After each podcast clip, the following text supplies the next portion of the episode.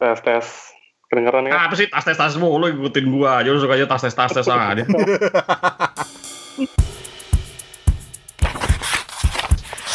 Jadi selama ini gua nggak merasa bahwa kebahagiaan itu jadi problem buat gua tiba-tiba gue jadi punya problem gitu. Bingung kan lu gagal lihat buku itu? Seriusan gue tunggu, tunggu, tunggu, tunggu. jadi karena lu sering melihat buku tentang kebahagiaan di toko buku lu jadi mempertanyakan kebahagiaan lu sendiri sekarang? Iya jadi gue bingung kenapa orang bahas bahagia? Gitu. jadi Van setelah baca buku ini kalau boleh gue tanya lu udah dapetin akhirnya apakah kebahagiaan itu? Apa ya? Atau... jadi uh... lu nyebut buku nikah awas lu Van apa kan nikah apa kan nikah pula jadi ini deh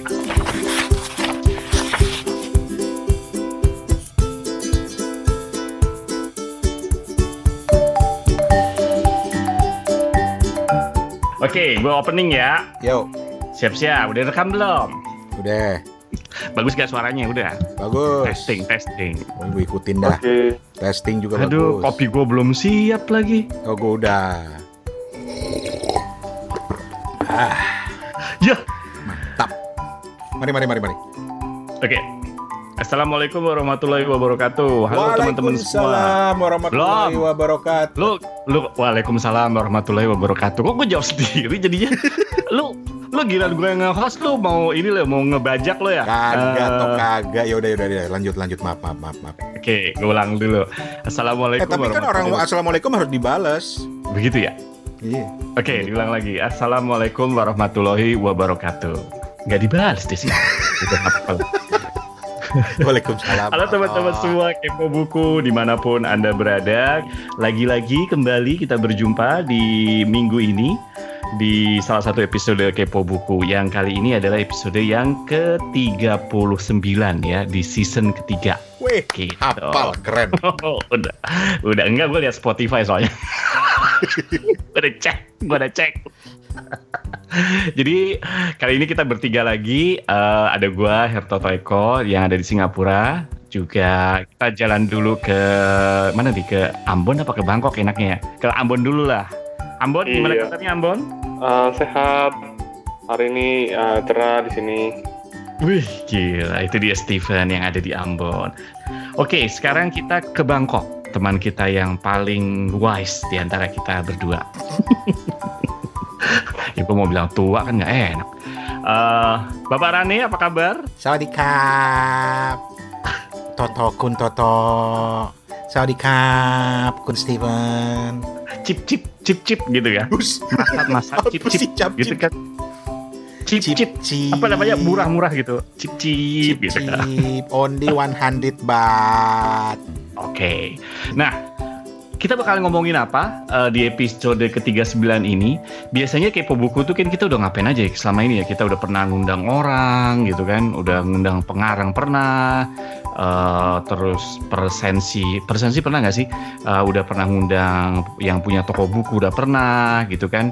Pernah ngomongin topik seputar toko buku, pernah ngomongin topik seputar uh, penulisan. Lu mulai aja toh dari season 1 toh pernah ngebahas biarin kan gue host suka suka gue dong lu jangan cerewet lu oh iya iya maaf maaf maaf, maaf.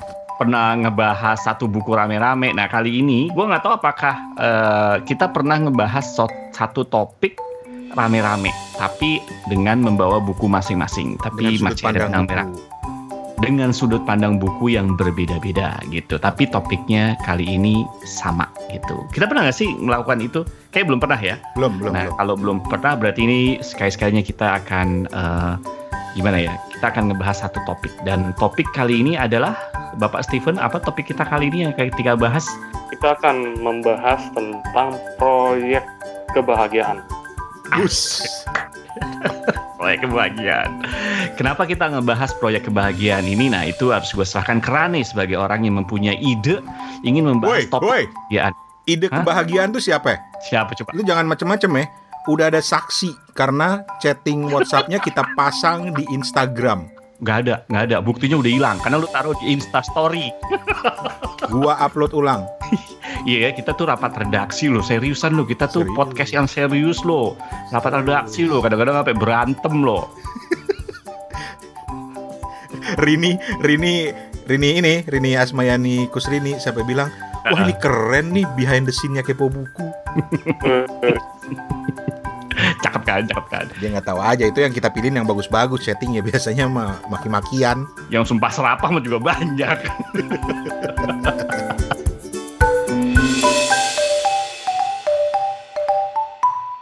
Jadi topiknya tentang proyek kebahagiaan atau kita ingin membahas tentang apa sih yang dimaksud dengan bahagia, kiat-kiatnya apa, ataupun itulah definisi bahagia nanti tergantung dari sudut pandang buku yang kita bawa masing-masing. Gua bawa buku sendiri, Rane akan bawa buku sendiri, Steven juga. Tapi sebenarnya yang jadi penutup ini cuma sebenarnya sederhana aja. Gue sering ke toko buku. Akhir-akhir ini tuh gue sering banget ngeliat buku itu ya dari mulai yang dulu kita pernah bahas tentang filosofi teras ya gitu kan Hmm. teras gitu itu ternyata stoik kan kalau kalau di di bahasa Inggrisnya gitu ya atau di istilahnya gitu kan terus banyak banget gitu kalau lo lihat bu- banyak buku tuh tentang how, to be happy atau happiness. Dilihat dari sudut pandang macem-macem gitu. Dari ada yang bilang dari sudut pandang psikologinya yang dari self helpnya tapi gue jadi merasa gitu ini kenapa? gitu. Jadi selama ini gue nggak merasa bahwa kebahagiaan itu jadi problem buat gue tiba-tiba gue jadi punya problem gitu bingung kan lu gara-gara lihat buku itu seriusan gue apa gue tuh gak bahagia jangan-jangan ya apa gue tuh orangnya nggak ngerasa gue tuh bahagia atau gue nggak bahagia gitu Tunggu, tunggu, tunggu, tunggu. Jadi, karena lu sering melihat buku tentang kebahagiaan di toko buku, lu jadi mempertanyakan kebahagiaan lu sendiri sekarang. iya jadi gue bingung kenapa orang bahas bahagia gitu.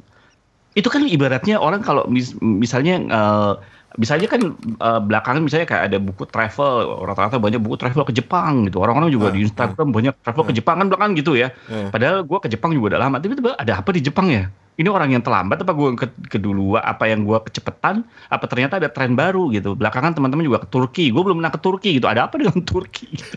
Nah begitu juga ketika gue ke toko buku banyak orang kebahagiaan. Apa kebahagiaan? Gue juga bingung. Gue juga.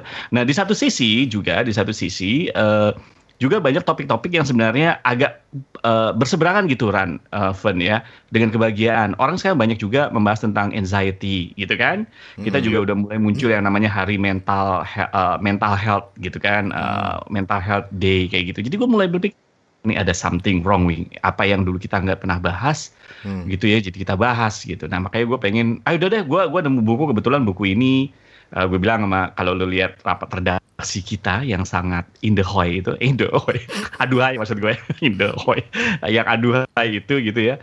Gue nemu satu buku kebetulan ada terjemahan juga di Gramedia Digital Eh, Steven juga ada buku. Nah mungkin gue bilang yuk kita bahas yuk dari berbagai macam sudut gitu. Itu aja sih sebenarnya. Oke, jadi gitu. Panjang banget ya penjelasan gue sebagai hostnya hostnya jangan gue dong. Kalau host mah kagak Iya. ngomong. penjelasan lu mungkin sekitar 10 menit nih. Paling gue jadiin satu menit, ntar gue edit. nggak apa-apa. Gue nggak masalah. Gue suka ngomong berjam-jam asal bukan gue yang ngedit. Simple aja gue sih. Tapi oke, tapi Itu sebelum sebelum sebelum itu toh, gue gue justru tertarik sama sama eh, pertanyaan lu tadi.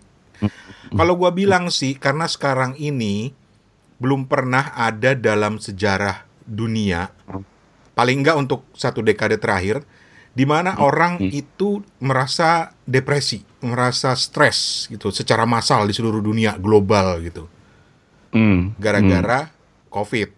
Kalau gue sih ngelihatnya Oke. gitu, makanya kemudian mungkin toko buku itu mencoba untuk eh, memanfaatkan eh, eh, kecenderungan itu, terus bilang, oh ya kita perbanyak buku tentang kebahagiaan. oh gitu ya. Jadi lu Kalau merasa begitu gitu. ya? Kalau gue sih gitu, nggak tahu kalau Steven.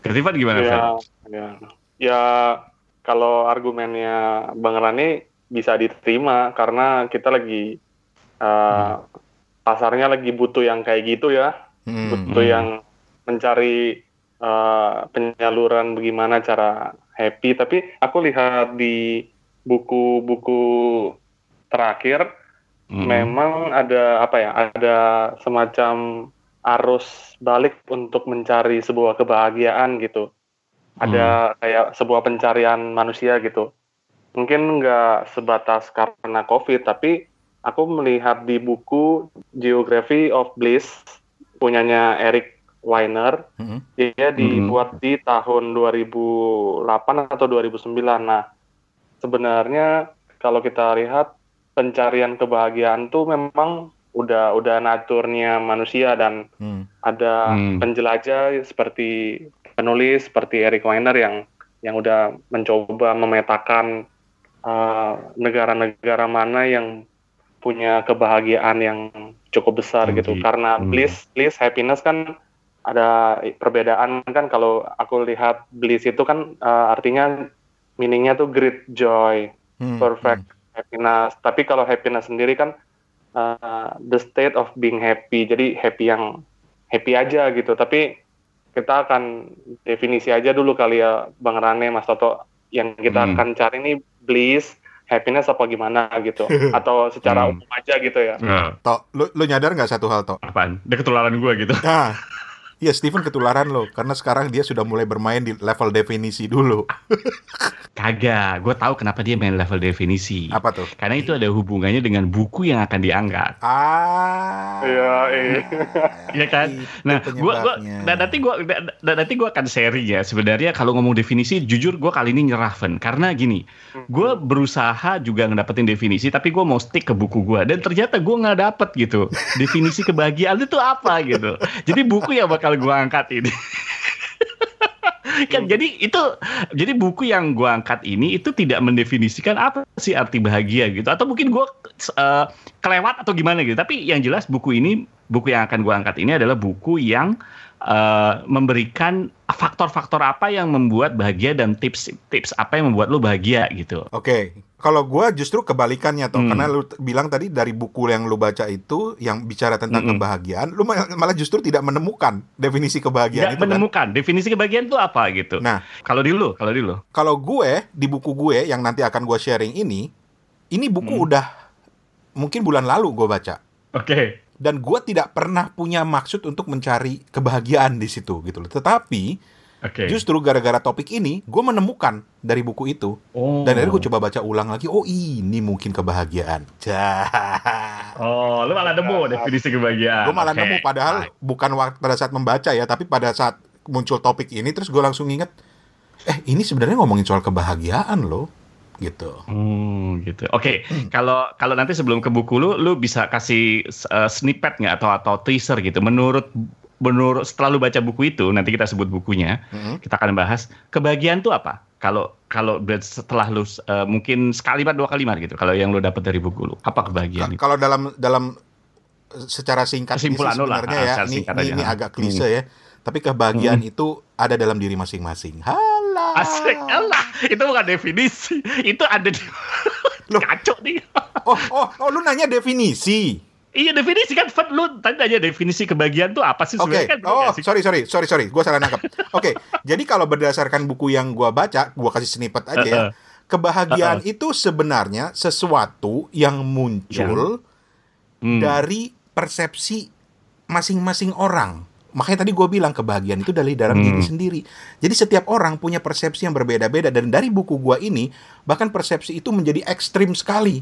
Hmm, oke oke. Karena ada yang sesuatu yang buat orang bahagia, buat orang lain tuh nggak bahagia. Nah, betul betul. Gitu. Itu itu itu itu itu, itu nanti gue ceritain lengkap lah.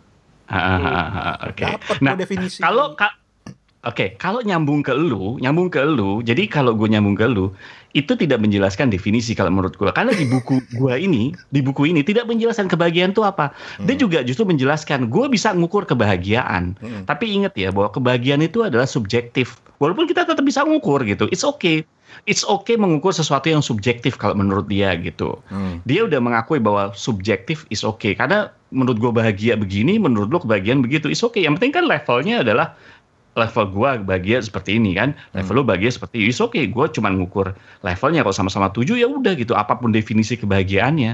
Nah buku itu juga akan jawab gitu. Tapi kalau cari bahagia itu apa sih? Apakah bebas dari rasa takut? Apakah bebas dari rasa deg-degan? Ataukah eh, nyantai-nyantai aja gitu? Nah, gue Ini- di situ sih nggak ada di buku gue. Di sinilah, gitu. di sinilah gua Apa? tidak setuju dengan orang dengan orang-orang otak kanan.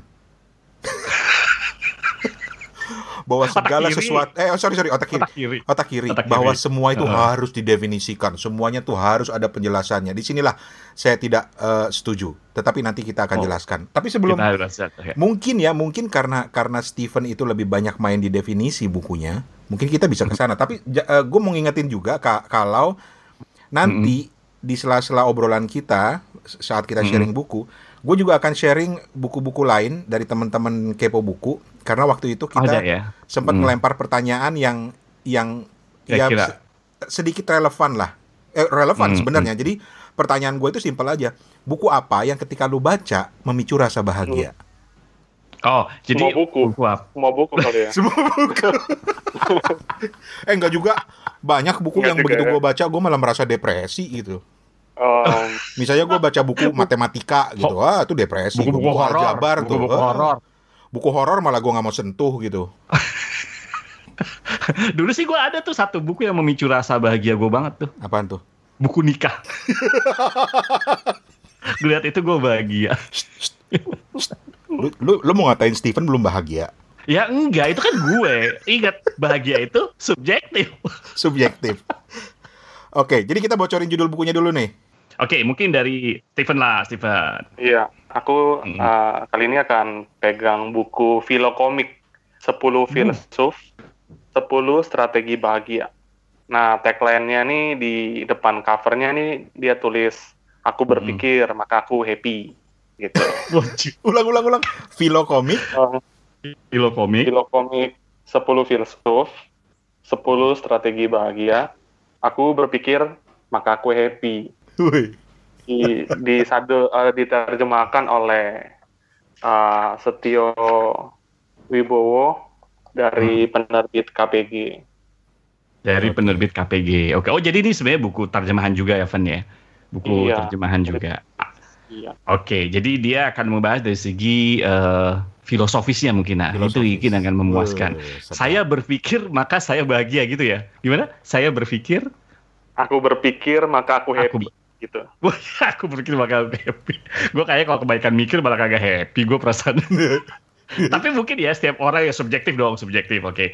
Nah, sedangkan buku yang gua bawa yang akan gue bawa ini bukunya si um, uh, Make Viking. Semoga gue ngomongnya bener ya um, cara pronounce uh, namanya ya. Karangan Make Viking yang judulnya The Key to Happiness. How to Find a Purpose by Unlocking the Secret of the World's Happiest People. Dan buku ini sebenarnya juga udah diterjemahkan uh, oleh penerbit Gramedia. Judulnya kalau di Indonesia namanya uh, Kunci Kebahagiaan. Cara menemukan makna hidup dengan mengungkap rahasia orang-orang paling bahagia di dunia. Diterbitkan oleh Gramedia Pustaka, ada juga di Gramedia Digital, gue sendiri baca di Gramedia Digital.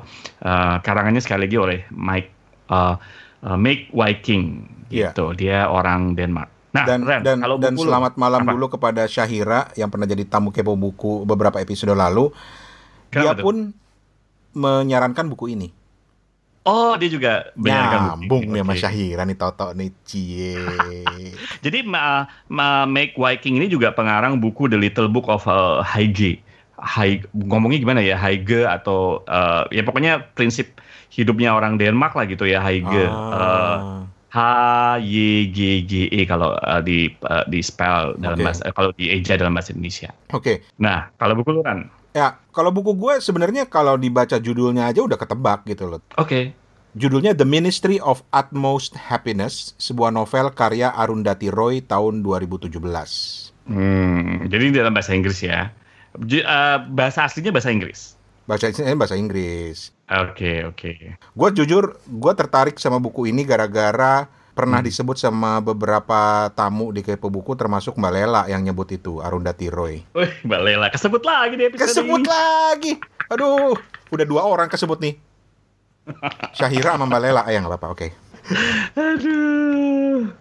Iya, oke. Oke lah, uh, kalau gitu itu bukunya Rane lebih ke uh, bukan lebih ya, emang novel gitu cerita. Dan kita akan gali nanti buku gua lebih ke arah mungkin kalau bahasanya Rani lebih ke arah self help kali ya gitu kan. Uh, yang Rani nggak begitu suka. Sementara kalau uh, Steven lebih ke arah uh, filosofinya.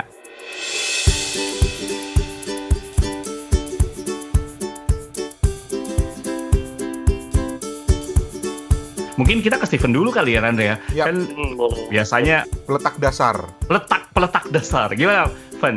Boleh, Van? Dari buku lu, Van. Iya. Jadi buku filokomik ini Hmm. kayak novel grafis gitu ya, novel grafis yang uh, menceritakan bagaimana sih uh, strategi untuk berbahagia gitu. Jadi di tiap bab kita ditemui oleh seorang filsuf gitu ceritanya. Hmm. Dikasih apa ya kayak cerita filsuf ini itu lahir di mana, uh, kejadiannya di mana, terus uh, cerita-cerita-cerita um, kita dikasih apa ya kasih pengayaan gitu ya pengayaan atau gimana ya nama nama ininya terus terakhir tuh uh, kayak kejadian sehari-hari dengan uh, dengan filosofi tersebut gitu nah Hmm. di diceritakan dengan kayak uh, santai dengan ada humor juga gitu dan uh, ini dengan panel-panel yang tiga-tiga aja gitu ya panel satu gede satu tiga kecil ya ataupun Hmm. tiga kali tiga uh, kita dikasih kayak um, sebuah storytelling gitu untuk gimana kenal dengan si filsuf tersebut dan berusaha memahami apa sih program kebahagiaan yang dia kasih gitu aku coba kasih Hmm. satu dulu Contoh, contoh, contoh. Contoh, contoh, contoh. Ah, kalau misalnya ngomongin filsuf nih nggak afdol lah kalau kita nggak bicara Platon aja dulu ya Platon Platon ini Oke. filsuf Yunani dia pendiri Akademi Filsafat di Athena lahir Mhm. di Athena pakai tahun nggak nih sekalian aja lah ya biar Kalian panjang yang ya. tahu 1825 sampai 1830. gorok gitu. Hmm. 427 sampai 347 SM program buku-bukunya nih dikasih dikasih rincian biodatanya nih lengkap nih. Hmm, Protagoras, Gorgias, Phaedon, Simposion, Politeia Hmm. coret-coret coret-coret dikasih gambar gitu kan. Ada yang Hmm, ada seorang filsuf berjenggot tebal gitu lagi duduk nulis. Hmm, keningnya keningnya kerut-kerut gitu. Program kebahagiaannya tuh ini untuk bahagia pertama-tama harus mengenal diri dengan baik. Menurut Ah. Socrates, guru spiritual Pla- Platon, dunia penuh ilusi yang harus diperangi. Itulah kunci untuk hidup dengan benar. Tempat kejadian perkara dikasih kayak map gitu di Athena. Peloponnesos sekitar 400 SM. Jadi ada Sparta, ada Athena. Nah di Athena nih di eh, peta peta perjalanannya si Platon ada digambar ini jejak-jejak kaki, peta jalan-jalannya Socrates. Wow. Jadi em, filos setiap filosofis tuh di jadi dibentuk komik ya Van ya pada dasarnya ya bentuk komik terus Iya. ngebahas satu filosof ke filosof lain gitu kali ya Ba- bayangan gue benar. sih terus hmm, Ya, yang ada ya. hubungannya dengan kebahagiaan oke Siapa aja sih filosofnya yang disebut di situ kan ada 10 katanya Van. 10 ya 10 heeh. Aku coba main uh, Hmm. review daftar isinya ya. Hmm. boleh ini uh, tertarik mungkin. Platon, kenalilah dirimu sendiri dan kamu akan bahagia. Epicurus, silakan bersenang-senang. Seneca, kematian nggak ngaruh. Terus Montaigne, bahagia ya saat ini dan bersama orang lain. Descartes, jangan hasrati apa yang tak bisa kau miliki. Pascal, tentu saja bahagia itu mungkin. Berani taruhan? Kant, lebih dari segalanya bertindak yang layak. Bentum, untuk bertindak baik, lakukan yang berguna. Ada Schopenhauer, bahagia hanya soal kehendak. Nietzsche, intinya jadilah dirimu sendiri. Gitu. Wow. oke jadi Van setelah baca buku ini kalau boleh gue tanya lu b- udah dapetin akhirnya apakah kebahagiaan itu Apa ya? Atau- Jadi eh, Lu nyebut buku nikah awas lu Van. Wah, apa kan nikah? Apa kan nikah pula? Apa kebahagiaan? Jadi ini deh. Gini gini gini. Em, sebenarnya kayak bang Bang Rane Mas Toto bilang di awal kan, kalau memang subjektif banget dan dan buku ini tuh eh, ibaratnya tuh kayak mau ngasih tahu dengan gaya yang ringan, dengan gaya yang apa ya, dengan gaya yang sederhana aja gitu. Soalnya ini juga ada jilid dua ternyata aku lihat di di halaman penulisnya gitu. Ada jilid dua juga. Kalau Tapi misalnya lu bacain dari di, jilid satu lah ya. Yang lu baca Iya. masih jilid satu. Oke. baru dikasih keluar jilid satu. Kalau Hmm. misalnya dibilang kebahagiaan tuh apa sih? Aku rasa kebahagiaan tuh sesuatu yang dicari supaya kita tuh jadi orang yang tangguh aja gitu. Hmm. Kayak di sini aku mau ngutip ya eh, di dalam lamannya Seneca di halaman 49 tujuannya kebahagiaan itu apa sih? Supaya ini jadilah karang anti guncang gitu. Jadi mungkin yang bisa aku tafsirkan dari buku ini gitu ya. Kalau misalnya kita happy itu kita jadi pribadi yang anti guncang aja gitu, Bang Rane, Mas Toto. Jadi Hmm. mungkin Hmm. nggak nggak terlalu muluk-muluk gitu kan Hmm. sederhana ketika lo udah bisa jadi seorang pribadi yang anti guncang mungkin itu udah sebuah happiness buat lo gitu Wow. terus satu lagi uh, ada quote yang menarik ya um, di epikurisme di satu Mhm. balon, balon katanya dia bilang kayak gini nih si filosofnya nih hanya kenikmatan alamiah yang dipenuhi secara masuk akal membawa kebijaksanaan dan kebahagiaan. Mudahnya, jangan sia-siakan apa yang kalian miliki akibat Hmm. mengharap pada apa yang tidak kalian punya. Terus ada background hebat, plok plok plok plok gitu. Jadi ya si filosof si filosof ini digambarkan di dalam Hmm. komik itu ceritanya tuh seperti itu. Jadi dia Hmm. eh, ceritain si filosofnya ngomong ke pembaca, terus si penulis yang ada tiga orang ini juga kayak nyeletuk gitu. Eh, ini nih lagi ini nih si filosofnya nih gitu-gitu. Banyak orang juluki dirinya epikurian karena suka makan, akhirnya gitu di zaman modern gitu. Hmm, hmm. Hmm. Jadi sebenarnya topiknya sebenarnya kalau kita baca buku filosofi mungkin berat kali ya Ranta ya. Makanya Tapi mungkin karena ini sederhana. dibikin komik, dibikin Iya. sederhana. Jadi jangan Iya. jangan orang lagi nyari kebahagiaan baca buku textbook tebel-tebel yang ada malah pusing sendiri gitu ya. Mm-mm. Tapi Oke, Tapi- oke. eh, kebahagiaan kalau dilihat dari sisi filosofi itu memang selalu menarik ya karena bisa memicu banyak eh, jawaban, banyak versi gitu ya. Bahkan gue lupa gue baca di mana ya Hmm, dasar kata bahagia hmm, dari se- sejumlah bahasa-bahasa di Eropa ya. Tolong dikoreksi kalau ini salah ya. Ini gue pernah baca ini hmm. akar kata kebahagiaan dari beberapa bahasa di Eropa itu adalah keberuntungan. Keberuntungan, laki gitu ya. laki. Seolah-olah ada kesan bahwa bahwa kebahagiaan itu adalah sesu- sebuah keberuntungan sebetulnya. Itu bisa kan? Tapi bisa juga dilihat dari sisi lain bahwa nggak Hmm. semua orang bisa bahagia karena itu untung-untungan gitu. tapi tapi gue tertarik ya, sama kalau karena Hmm. si Steven tadi nyebut Seneca. Seneca ini kan salah satu Hmm. engkongnya Stoik kan ya, Van ya.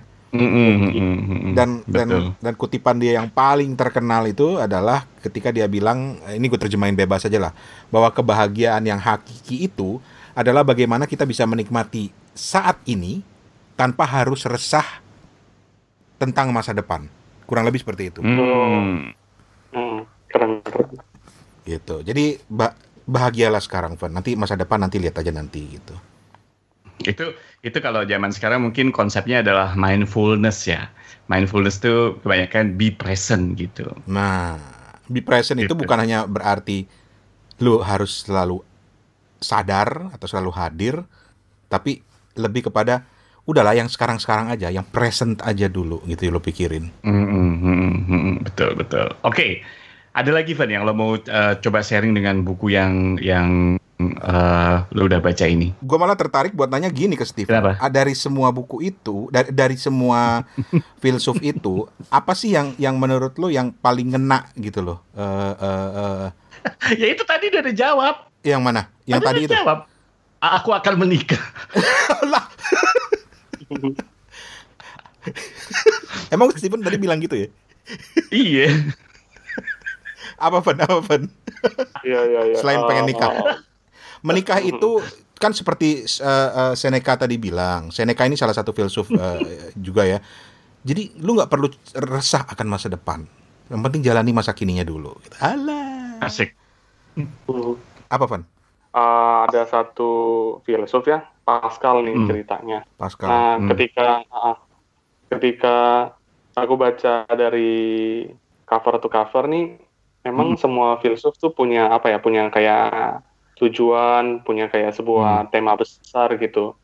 Hmm. Namun yang paling bikin tercengang wow gitu karena si Pascal ini ini berani untuk uh, menguji logika ataupun apa ya pemikiran orang-orang sekitarnya tuh Mhm. dengan dengan apa dengan taruhan gitu dengan dia memainkan apa games gitu. Kayak entah orang-orang filsuf ini harus menyebarluaskan pahamnya dia lewat uh, sharing lewat pengajaran lewat karisma. Tapi ketika si filsuf yang satu ini tuh dia ini ngasih kayak uh, Hmm. sebuah taruhan aja gitu. Nah taruhan itu dia uh, ngasih opsi kalau opsi satu aku bertaruh Tuhan tidak ada. Hmm. opsi dua aku bertaruh Tuhan ada nah eh, di dalam dua opsi ini pun masing-masing basis tuh ini bisa bikin orang untuk apa ya untuk orang untuk sedikit eling lah sama yang ke- sama keberadaan sama keberadaan Tuhan nah itu yang bikin aku melihat si filsuf yang satu ini cukup Hmm. wow gitu ceritanya Oke. Interesting. Interesting. Jadi bukunya adalah sekali lagi gue sebutin ya, nam judulnya adalah Filokomik 10 Filsuf 10 Strategi Bahagia. Yang edisi Indonesianya diterbitkan oleh eh, Kepustakaan KPG. Populer Gramedia, KPG ya. Itu penulisnya siapa sih, Van? Ada nggak sih nama penulisnya? Penulisnya tuh siang Philip Tivet, Jerome Farmer, Annelies Cambaut. Orang Perancis semua. Kayak orang Perancis semua gitu. Iya. Sebenarnya kalau lihat covernya bagus sih, covernya didominasi warna biru, tapi juga filosofinya komiknya tuh komik yang eh gue nggak lihat dalamnya ya, karena gue cuma bisa lihat covernya gue belum punya gitu. Jadi eh, lumayan lucu sih kalau dipikir ya gambarnya di cover depannya gitu. Eh, komiknya komik lucu gitu, bukan komik kan banyak juga buku-buku yang ngebahas ekonomi, bahas lain yang komiknya serius gitu. Nah ini kayaknya ini jenaka-jenaka aja gitu. Hmm. Dilihat Iya, dari sampulnya gitu. Oke. Oke, nah eh, itu buku yang Bentar, Pak. diusung Bentar, sama ya kenapa? Teman-teman ada yang berbeda dari kepo buku episode tentang kebahagiaan ini karena kita ngobrol jadi panjang banget, panjang banget dan rasanya sayang sekali kalau mau dipotong-potong karena nggak tahu kenapa ini tiga host ini begitu ngomongin kebahagiaan kok jadi dalam banget ngobrolnya. Jadi paling tidak kami ingin memberikan kesempatan buat teman-teman merenungkan terlebih dahulu buku tentang kebahagiaan yang disodorkan oleh Stephen kali ini. Setelah itu, nanti di episode berikutnya yang akan hadir tidak lama lagi, kita akan bahas bukunya Toto yang juga akan bicara tentang kebahagiaan versi dia dan juga nanti akan hadir di episode berikutnya lagi adalah buku yang gua bawa yang juga mengulas soal kebahagiaan. Dan juga kita akan membagikan beberapa judul-judul buku yang sudah dikirimkan oleh teman-teman kepo buku semuanya melalui Instagram waktu itu ketika kita menanyakan buku apa yang membuat kalian bahagia. Ternyata menarik. Jadi, kita ketemu di episode yang berikutnya. Yang jelas tidak perlu menunggu sampai seminggu lagi. Tenang, akan segera kita hadirkan. Supaya lebih mantap aja dan lebih ada waktu untuk lebih merenungkannya lagi. Halah, ya nggak tau. Oke. Jadi kita ketemu lagi di episode berikutnya. Yuk.